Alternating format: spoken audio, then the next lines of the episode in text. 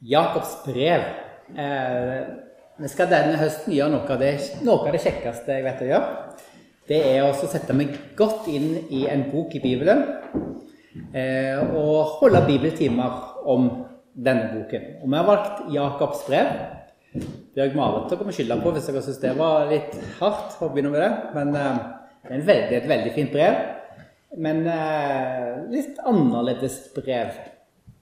Fem søndager skal vi bruke på dette. Kan dere tenke dere hvorfor? Ja, fem kapitler, ja. Fem kapitler, Sånn er det. Um, ja. Før vi begynner, så har jeg lyst til å be en kort bønn. Himmelske Far, jeg takker deg for at vi får lov til å samles her i dag. Takk at du er vår far. Vi får lov til å be til deg. Vi får lov til å lytte til ditt ord. Nå ber jeg Herre, du må gi oss visdom, så vi kan forstå enda mer av hva du har for oss i ditt ord. Amen. Jakobs brev. Jeg har lyst til å lese, lese første kapittel. Er ikke det greit? å lese et kapittel, så får dere, får dere liksom helheten før vi går inn og ser litt på hva det handler om. Og da begynner jeg fra vers 1, selvfølgelig. Der står det Jakob Guds og Herren Jesu Kristi tjener, sender sin hilsen til de tolv stammer som har spredt omkring i fremmed land. Se det bare som en glede, søsken, når dere møter all slags prøvelser. For dere vet at når troen blir prøvet, skaper det utholdenhet. Men utholdenheten må føre til fullkommen gjerning, så dere kan være fullkomne og hele uten noen mangel. Om noen blant dere mangler visdom, skal han be til Gud, som villig og uten å bebreide gir til alle, og han vil få. Og han skal få. Men han må be i tro, uten å tvile. For den som tviler, ligner en bølge på havet som drives og kastes hit og dit av vinden. Ikke må et slikt menneske vente å få noe av Herren, splittet som han er og ustø i sin ferd. En bror som står lavt i rang, skal være stolt av hvor høyt han blir satt. Og en rik mann skal være stolt av hvor lavt han blir satt. For som blomsten i gresset skal han få gå. Solen stiger med sin brennende hete. Gresset visner, og blomsten faller av, og all dens skjønnhet er borte. På samme måte skal den rike visne midt i all sitt strev. Salig er det mennesket som holder ut i fristelser, for når han har stått sin prøve, skal han få livets seierskrans, som Gud har lovet dem som elsker ham. Ingen som blir fristet, må si, 'Det er Gud som frister meg'. For Gud fristes ikke av det onde, og selv frister han ingen. Alle som blir fristet, eh, alle som blir fristet av sitt eget begjær. Alle blir fristet av sitt eget begjær, som lokker og drar. Når lysten er blitt svanger, føder den synd, og når synden er moden, føder den død. La dere ikke føre vill, mine kjære søsken. All god gave og all fullkommen gave kommer ovenfra, for Han som er himmellysenes far. Hos ham er det ingen forandring eller skiftende skygger. Av sin egen vilje har han født oss ved sannhetens ord, for at vi skal være en førstegrøde av dem som dem han har skapt. Dette må dere vite, mine kjære søsken. Enhver skal være rask til å høre, men sen til å tale og sen til å bli sint. For sinnet hos et menneske fører ikke til det som er rett for Gud. Legg da av alt urent og all ondskap, og ta ydmykt imot det ordet som er plantet i dere, som har makt til å frelse sjelene deres. Dere må gjøre det ordet sier, ikke bare høre det, ellers vil dere bedra dere selv. For den som hører ordet, men ikke gjør det ordet sier, ligner en mann som ser på ansiktet sitt i et speil. Han ser på det, går sin vei og glemmer straks hvordan han så ut. Men den som ser inn i frihetens fullkomne lov og fortsetter med det, blir ikke en glemsom hører, men en gjerningens gjører. Et slikt menneske skal være lykkelig i sin gjerning. Den som mener at han dyrker Gud, men ikke holder tungen i tømme, bedrar seg selv, og hans gudsdyrkelse er uten verdi.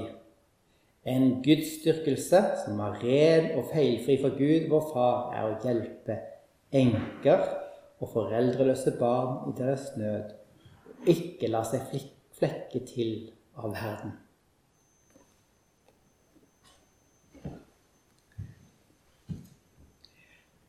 Jeg vet ikke hvordan du tenker når jeg, når jeg står her og leser et sånt kapittel. Eh, så tenk, jeg tenker for av og til når jeg hører folk lese sånn, at du verden, her var det mye, og fikk jeg med meg det som ble lest. For det er jo veldig mange ting her. Og det kan være vanskelig å se skikkelig sammenhengen, og hva er det egentlig Jakob sier? Og et godt tips til alle kristne som har lyst til å lese og forstå Bibelen, er Gå hjem, les Bibelen. Les f.eks. Jakobs brev. Så leser du hele brevet en gang. Og så leser du det en gang til. Og så leser du det en gang til. Og hva tror du du skal gjøre etterpå? Lese det en gang til. Og etter hvert som du leser det mange ganger, så vil du få se litt sammenhengende, og plutselig så henger det litt mer i sammen, de tingene som er skrevet. Så å lese en bok bare sånn full fart kan ha sin verdi, men jeg anbefaler deg av og til å prøve å lese en bok i Bibelen mange ganger. Og prøve å spørre hva er det egentlig som er budskapet her? Jakobs bok eh, Det er ikke ofte at, eh, at det, den blir lagt ut sånn som vi skal gjøre nå. Eh, men det er en bok som er veldig kjent. Mange fine fraser i denne. Den er skrevet av Jakob, eh, trolig på midten av 40-tallet.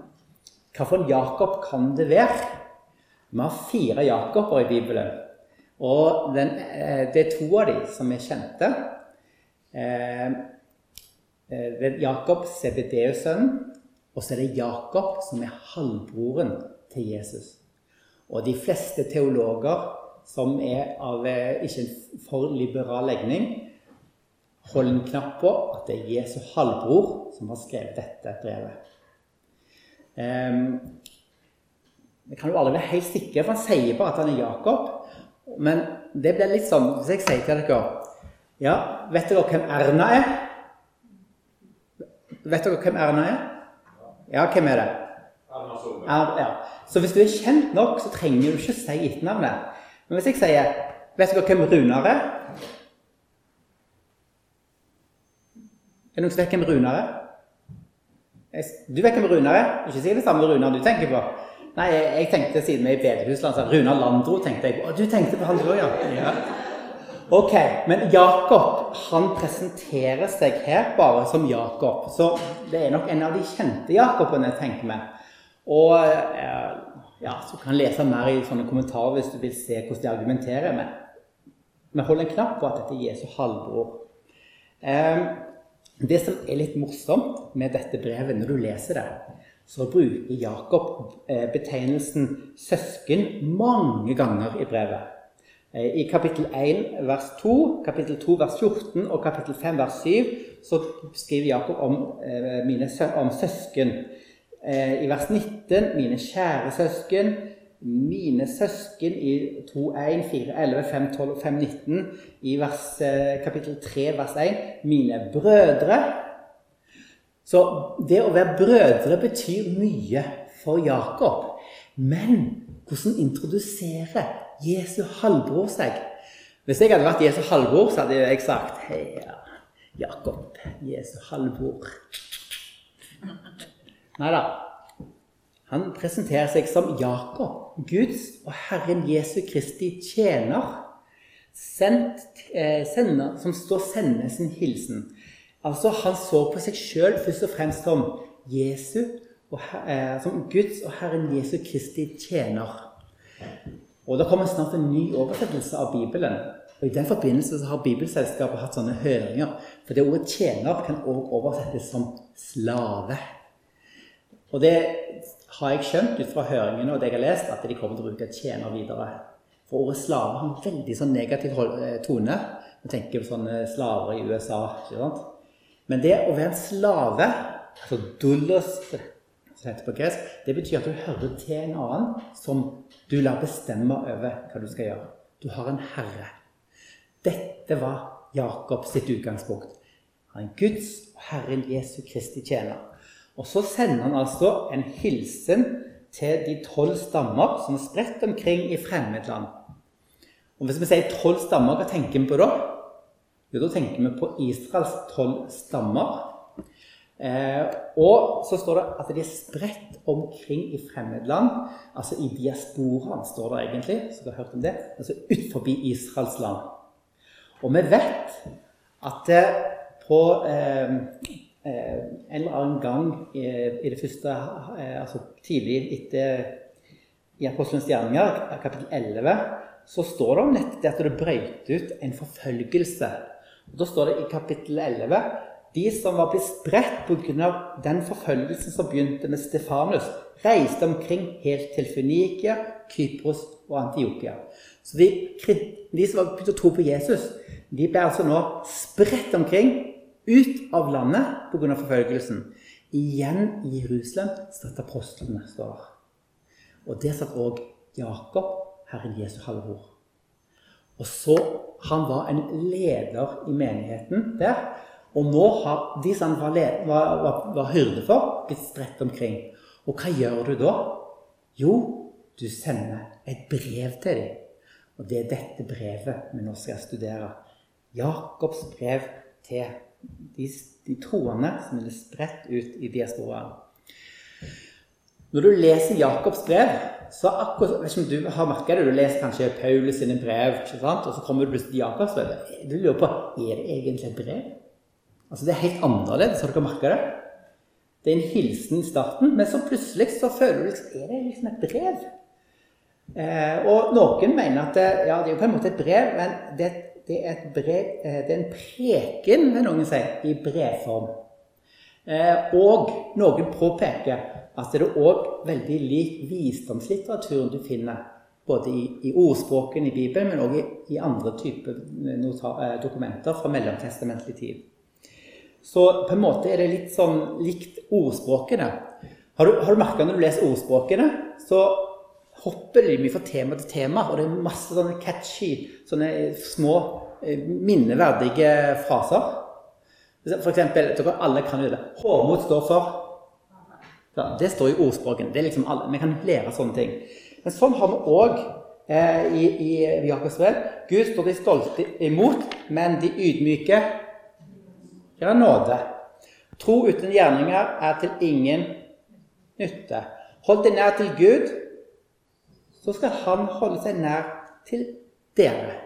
Altså Det er sånn eh, veldig lett å sitere, og mange som kan disse versene utenat. Eh, og det minner litt om ordspråkene. Eh, men når vi leser Jakobs brev, så er det litt krevende å lese det òg, syns jeg. For dette er et veldig formanende brev, og han setter fingeren på mange ting.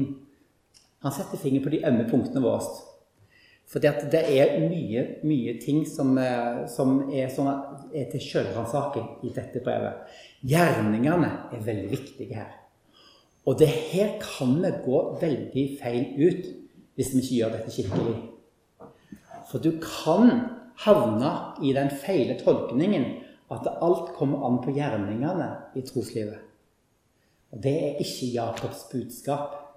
Men det er mye. Han sier jo at, det, at det er, eh, vi blir, ser du, vi blir ikke rettferdiggjort av troen, men ved gjerningene. vil vi lese i neste kapittel. Så hva mener Jakob? Og her må vi altså være litt mer grundige.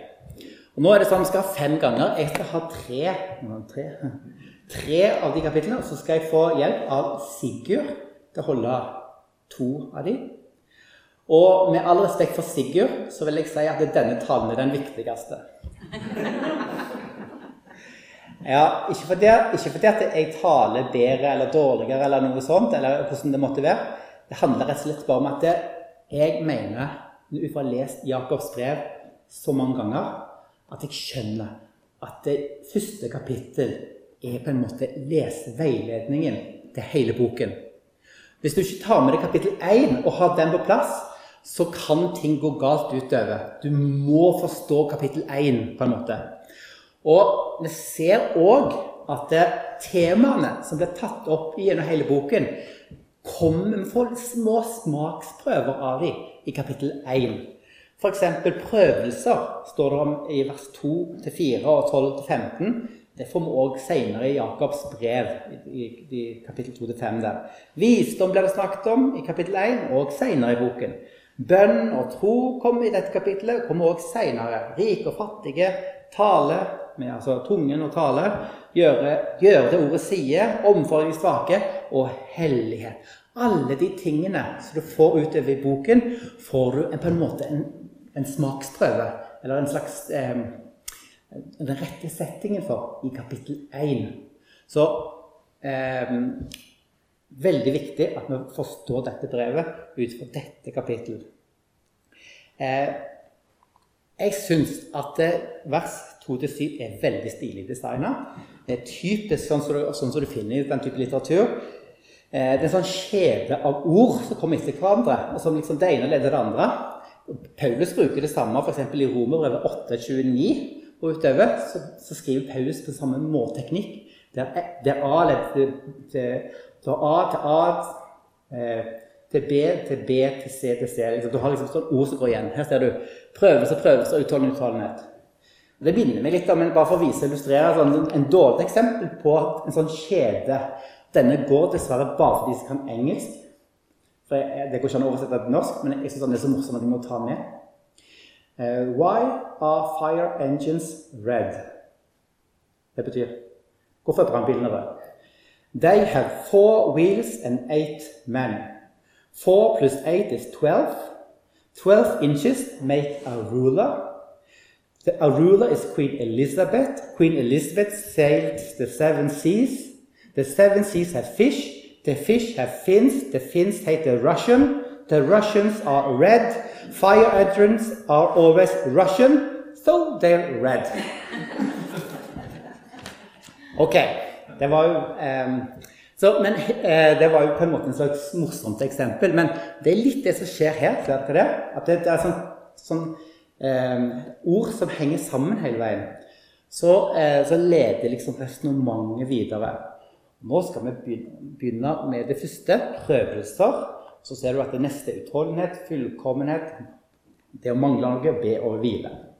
Så Se det bare som en glede, søsken, når dere møter all slags prøvelser. For dere vet at når tro blir prøvet, skaper det utholdenhet. Ja Altså eh, på en måte litt vanskelig vers, fordi at eh, eh, når du møter prøvelser, ser du det som en glede. Når jeg går forbi skoleboller og ikke kan spise dem, ser jeg det som en glede. Vel, det kommer litt an på, men poenget her er at vi skal se det kun som en glede, fordi at det kan brukes til å, å skape utholdenhet hos oss. Eh, det ordet eh, med prøvelser eh, det er litt vanskelig ord. Det greske ordet kan nemlig bety tre ting. Det kan bety test eller prøvelse, sånn, altså teste om det når troen tester, liksom. Det kan bety fristelse. Det er, gå forbi skoleboller, ja. Mm. Eller det kan bety lidelse. Så Miriam har lagt vekt tidligere i dag på den lidende menighet. De går gjennom harde prøvelser. Eh, hva det ordet betyr, må tolkes ut fra sammenhengen. Om det er en slags test du går gjennom, eller om det er eh, fristelse, eller om det er en lidelse. Men i dette tilfellet så står det når dere møter all slags prøvelser. Det tolker jeg som at det er ikke begrensa til én av de tre typene. Det kan være alle tre. Og i dette brevet så finner vi eksempler på sånne prøvelser. Hva gjør du hvis du får masse penger? Da blir troen din testa. Vil du bare ha dem for deg sjøl, eller vil du dele med en som trenger noe?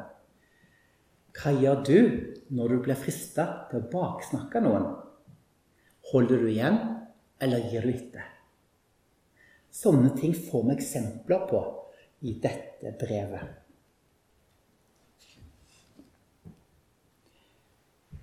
Hva er det som blir testa? Det er troen vår som blir festa. Og hva er det vi trenger da? Vi trenger utholdenhet. Men det er ikke alltid så lett. Men utholdenheten den må føre til fullkommen gjerning, så dere kan være fullkomne og hele uten mangel. Her møter vi et veldig viktig ord i dette brevet, som er litt vanskelig for oss. Det er nemlig ordet 'fullkommenhet'. Så ja, rekk opp hånden, disse fullkomne. Ja. Det måtte tenke alle hadde rekt opp hånda. Ja, okay. Det var ingen som rekte opp hånda. Men hva betyr det egentlig? Jo, fullkommen betyr det greske ordet betyr noe sånt som å være fullkommen, moden, uten mangler. Eh, og eh, her kan vi altså lett bli vippa litt av pinnen.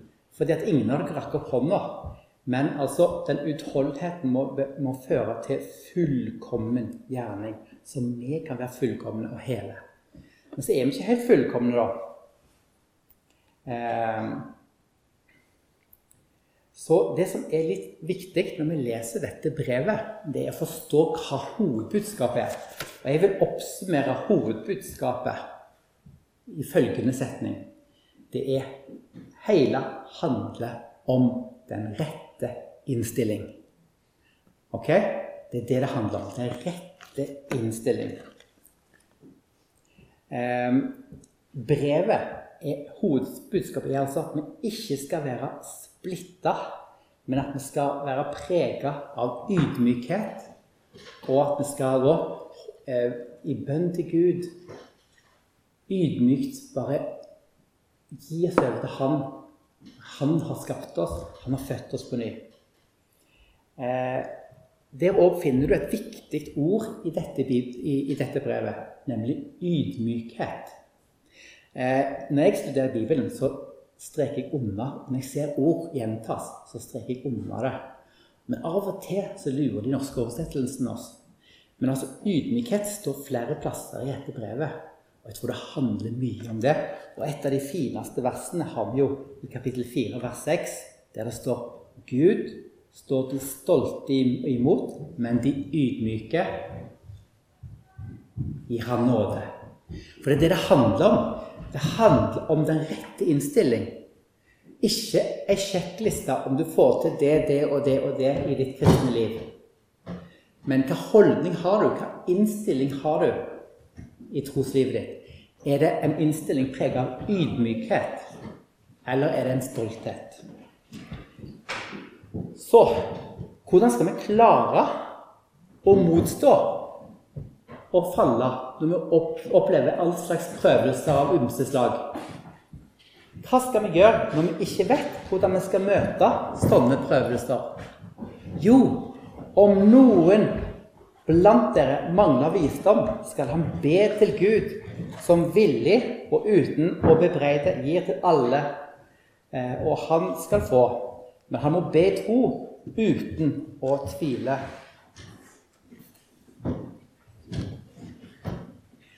Her møter vi et veldig fint bilde av Gud, syns jeg. Det er altså så viktig at vi har et rett bilde av hvem Gud er. Hva står her? Vi skal be til Gud som villig gir. Gud gir villig. Og han gir uten å bebreide. Da ser jeg for meg liksom tenker deg, Av og til føler det sånn at hvis du har liksom hatt en del sånne ting og så, ja, 'Nå gikk det dårlig. Den baksnakket sånn. Uff, nei, nå er det dårlig igjen.' Så får man tenke Se for deg at Gud, liksom, du ber Gud om visdom, sier 'Ja, skal vi gi deg visdom? Du, du er jo ikke så veldig Du faller jo hele veien.' Kan du ikke gi det Nei, er du verdt å gi noe visdom til deg? Nei. Det står at han gir villig uten å bebreide. Han gir uten å bebreide alle som kommer til ham. Men det står et, et ord der som ofte blir tolka feil. Eh, det står at eh, han, eh, eh, Men han må be i tro uten å tvile. I, eh, bare vise et eksempel på hvordan det blir feil tolka i en, en, moderne slags oversettelse, eller hva vi skal kalle det, for som heter Hverdagsbibelen, så oversetter de dette verset må be i tro uten å tvile på at Gud vil svare. Eh, det greske ordet som er oversatt med 'tvile', er i utgangspunktet ikke et negativt ord. Det er et ord som blir brukt om de som har to valg og, og, lurer på hva valg skal jeg velge. Det er sånn Hvis du står i butikken så skal du kjøpe den genseren eller den genseren, så du skal ha én, så står du der hmm. Så kan du, kan du, jo si at jeg er litt i tvil hva jeg skal kjøpe. Det er ikke et negativt ord, men det handler om at du skal velge mellom to ting. Vi ser akkurat den bruken der du lurer på hva, hva, hva skal skje, f.eks. Når Jesus snakker om, eh, om å tegne, tydelig tiden. Jesus sa i Matteus 16.: Om kvelden sier dere det blir godvær, for himmelen er rød. Om morgenen i dag blir det uvær, for himmelen er rød og mørk. Himmelens utseende vet dere å tyde. Og Det ordet 'tyde' er det samme ordet som oversatt med 'tvile' her. Det er altså, Du lurer på blir det sånn eller blir det sånn. Så den som tviler her, er altså den som ikke tenker Eh, jeg, i, jeg, har fått mye penger, jeg trenger visdom til hvordan jeg skal bruke det. Så ett valg er liksom Ja, herregud, Gud få viljen med de pengene og livet mitt. Den andre er Men kanskje jeg skal bruke de heller på den måten. Altså, du, du, du ser på valgene du har, og så har du liksom ikke helt bestemt deg. Du tviler. Det ble nett som han som var så veldig forelska i to jenter. Og så fikk han, gikk han også begge to spurte om, om, om, de ville være sammen med ham, for han måtte jo ha valgene åpne. ikke sant? Så det var en som tvilte. Og den måten vil ikke Gud ha. Han vil at vi skal være, være, ha, ha, prioritere Han. Eh, I The Message, en uh, oversettelse som prøver å catche liksom, hva det betyr med sånn, en sånn parafrasering det sier 'ask boldly, believingly, without a second thought'.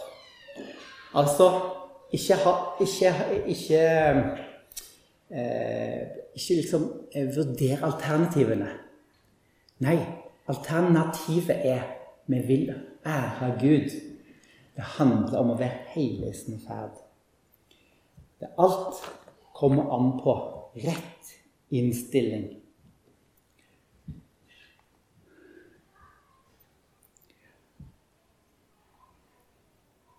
For den som tviler, ligner en bølge på havet, som drives og kastes hit og dit av vinden. Ikke må et slikt menneske vente å få noe Herren, splittet som han er og ute i sin ferd.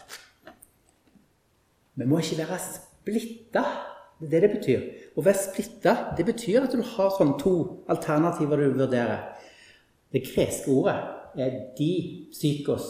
Du har to sinn To sinn. Ett som du tenker det er Guds domene, og så ett der du er sjøl herre og liksom vil velge. Nei, du må ikke tvile. Du må gå inn for å skjønne at Jesus er din herre. Og hvis du ber ham om visdom, så gjør du det enøyd. Du vurderer ikke alternativene. Du ber, og du tar imot det du får. Så får vi noen sånne tilfeller, drypp av det som skal komme senere i brevet, for å vise at dette er relevant for de tingene som kommer. Og Den første casen det er dette som går med eh, de rike og fattige i menigheten. En bror som står lavt i rang, skal være stolt over hvor høyt han blir satt. Og en rik mann skal være stolt over hvor lavt han blir satt. For som blomsten i gresset skal han få gå. Solen stiger med sin brennende hete. Gresset visner, blomsten faller av, og all den skjønnhet er borte. På samme måte skal den rike visne midt i alt sitt strev. En bror som står lavt i rang. Kunne også oversettes en bror som, en, en, som er ydmyk. Altså av ydmyk stilling. Det er det det består egentlig. Han skal være stolt over hvor høyt han blir satt. Fordi at det handler nemlig ikke om rikdom i denne verden. For det er ingenting verdt. Det kommer til å forgå. Men den rette innstillingen, da vet du at det som betyr noe, er det som er evig. Det er å høre til Gud. En dag skal vi få se ham igjen.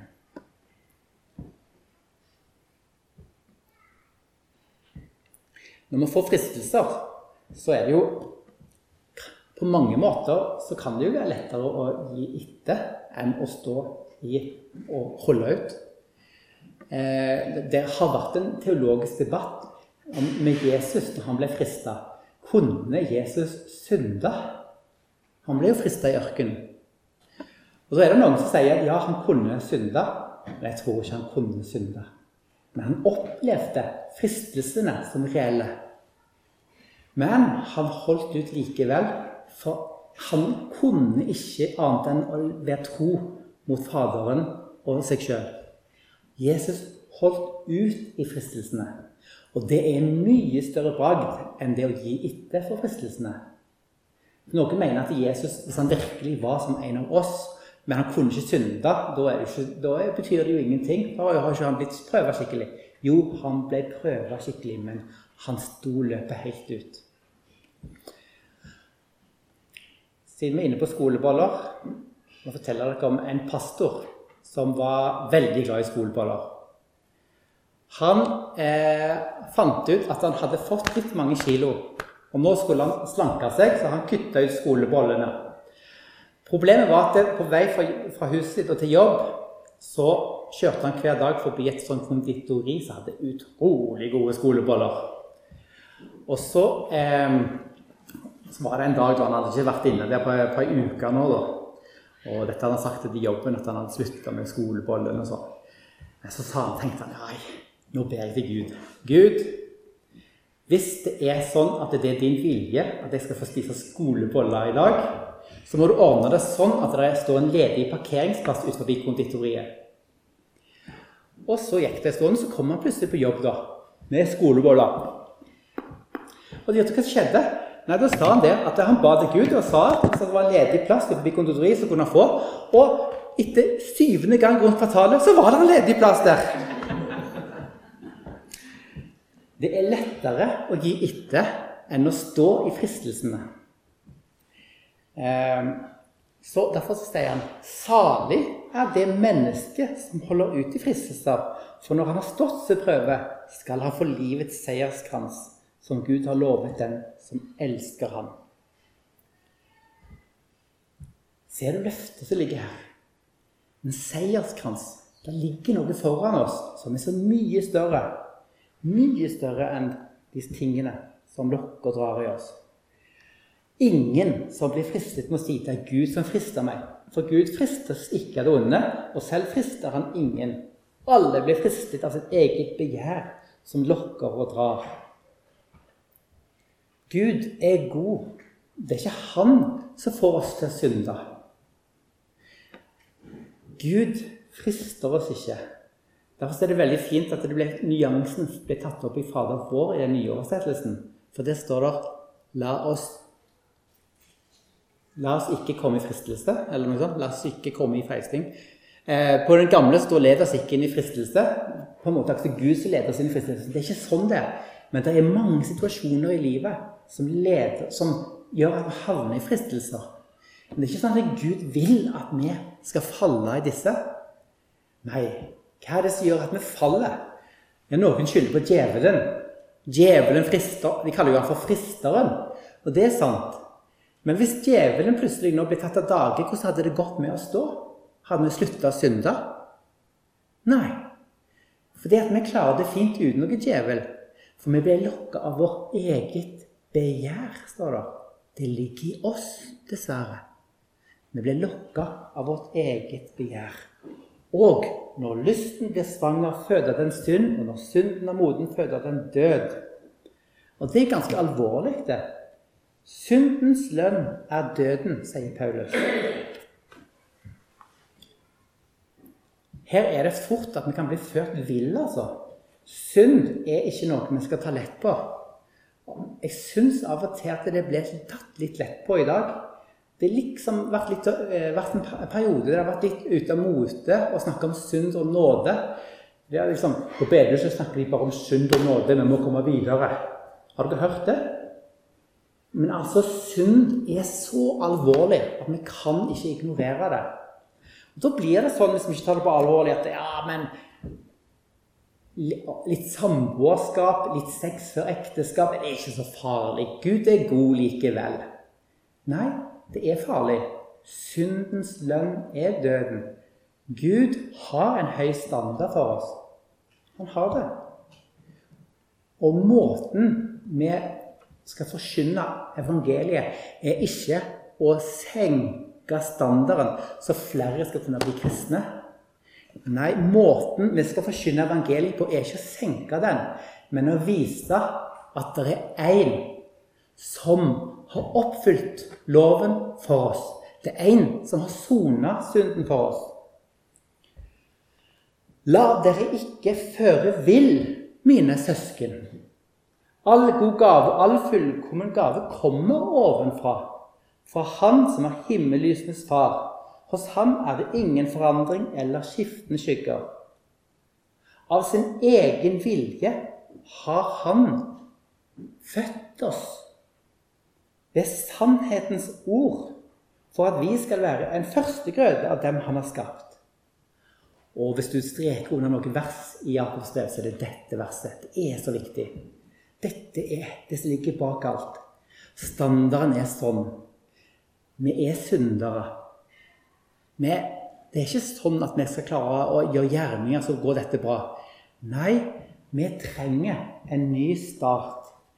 Eh, noen leser som, disse versene her som en kontrast til begjæret og synden vår. Men skal, eh, en teolog som heter Alec Mortier, han sier at det, disse versene er ikke kontrast, ment som en kontrast til de forrige versene, men som en løsning til dem. Det er en løsning.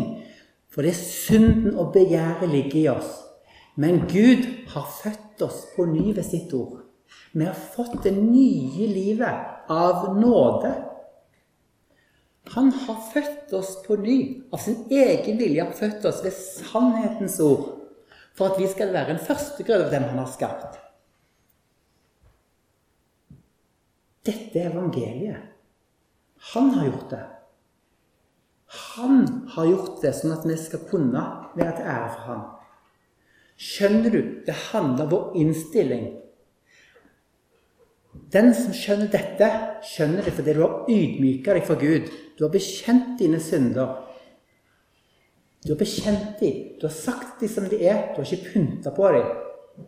Men Gud, han har ved sitt ord født deg på ny. Ved evangeliet. Budskapet om korset.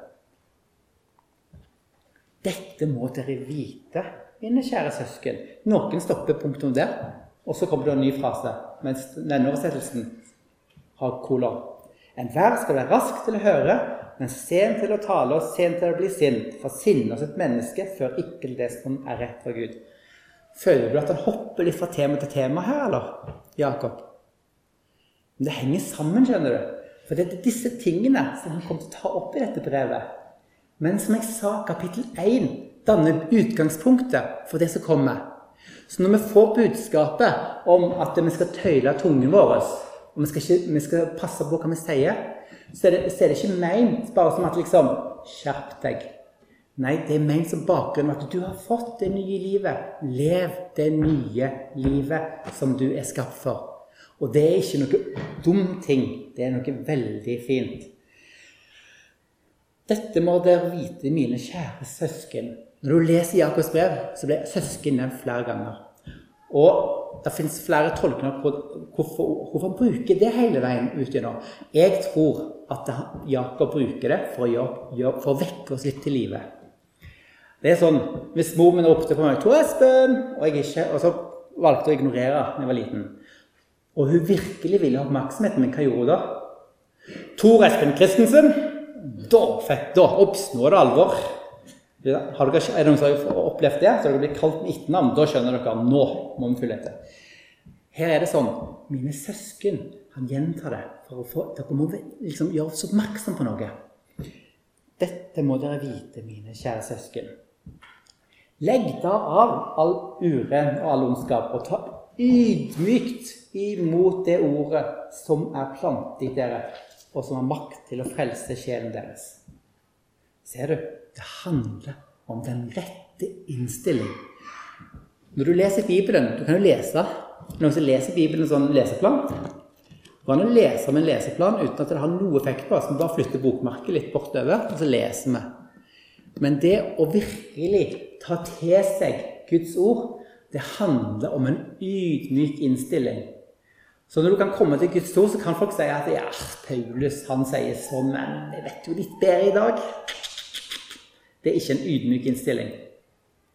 Ydmyk innstilling, det er dette er Guds ord til oss. Det er Guds ord. Du hører det, og du adlyder det. Det er utgangspunktet. Det er ordet som har gitt oss. Og den som hører ordet, men ikke gjør det ordet sier, ligner en mann som ser på ansiktet sitt i et speil. Han ser på det, går sin vei og glemmer straks hvordan han så ut. Det er litt sånn morsomt skrevet, ikke det? Og ser for deg se i speilet og hm, hm, ja, litt skitten der, ja. Ja, ja, ja. Gå videre, og glem det. Sånn, du må gjøre noe med det.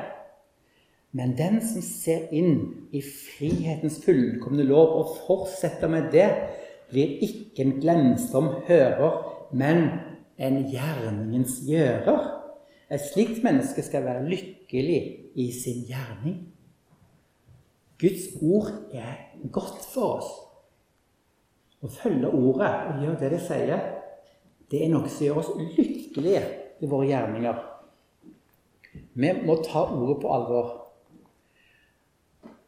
Den som mener at han dyrker Gud Altså På engelsk oversettelse eh, Den som mener at han har den rette religi, religi, det ordet religion, står det på engelsk oversettelse. Den ytre Guds handlingen men ikke holder tungen i tømme, bedrar seg selv, og hans gudsdyrkelse er uten verdi. Og så står det en gudsdyrkelse som er ren og feilfri for Gud vår Far, er å hjelpe enker og foreldreløse barn i deres nød, og ikke la seg flekke til av denne verden. Av verden. Jakob han lærer oss ikke tenke bare abstrakt. Ja da, Gud er god, og Guds vilje med oss er fin, og ja, han har frelst oss, og bla, bla, bla. Men han, han virkelig stikker fingeren på noe som kan virkelig få konsekvenser for oss. Hvis du har masse penger, og du ser noen som lider, hvordan kan du la de ha nød når du har mye penger? Hvordan kan du det? Hvordan kan du baksnakke noen? Hvordan kan du gjøre sånne ting? Det er umulig hvis du følger Gud og har den rette innstilling. Foreldreløse barn i deres nød, enker og foreldreløse barn. Når du leser Gammeltestamentet, så vil du se at det bildet som du får av Gud Noen sier at det, ja, ja, ja, Gammeltestamentets Gud er en sånn streng Gud. Men når du leser Gammeltestamentet, så ser du at det bildet som er tegnet fra Gud, er en Gud som bryr seg om de svake i samfunnet enker, fattige, foreldreløse. Og vi skal gjøre det samme. Men utgangspunktet er altså at vi har fått dette nye livet. Han har født oss på ny. Og det er dette livet vi skal leve i all ydmykhet og med den rette innstillingen til Gud. Himmelske Far, jeg vil altså takke deg for ditt ord, dette brevet. Jeg ber Herre at vi må forstå det bedre og bedre. Du må vise oss mer og mer av hva din vilje er, at du må gi oss visdom, Herre.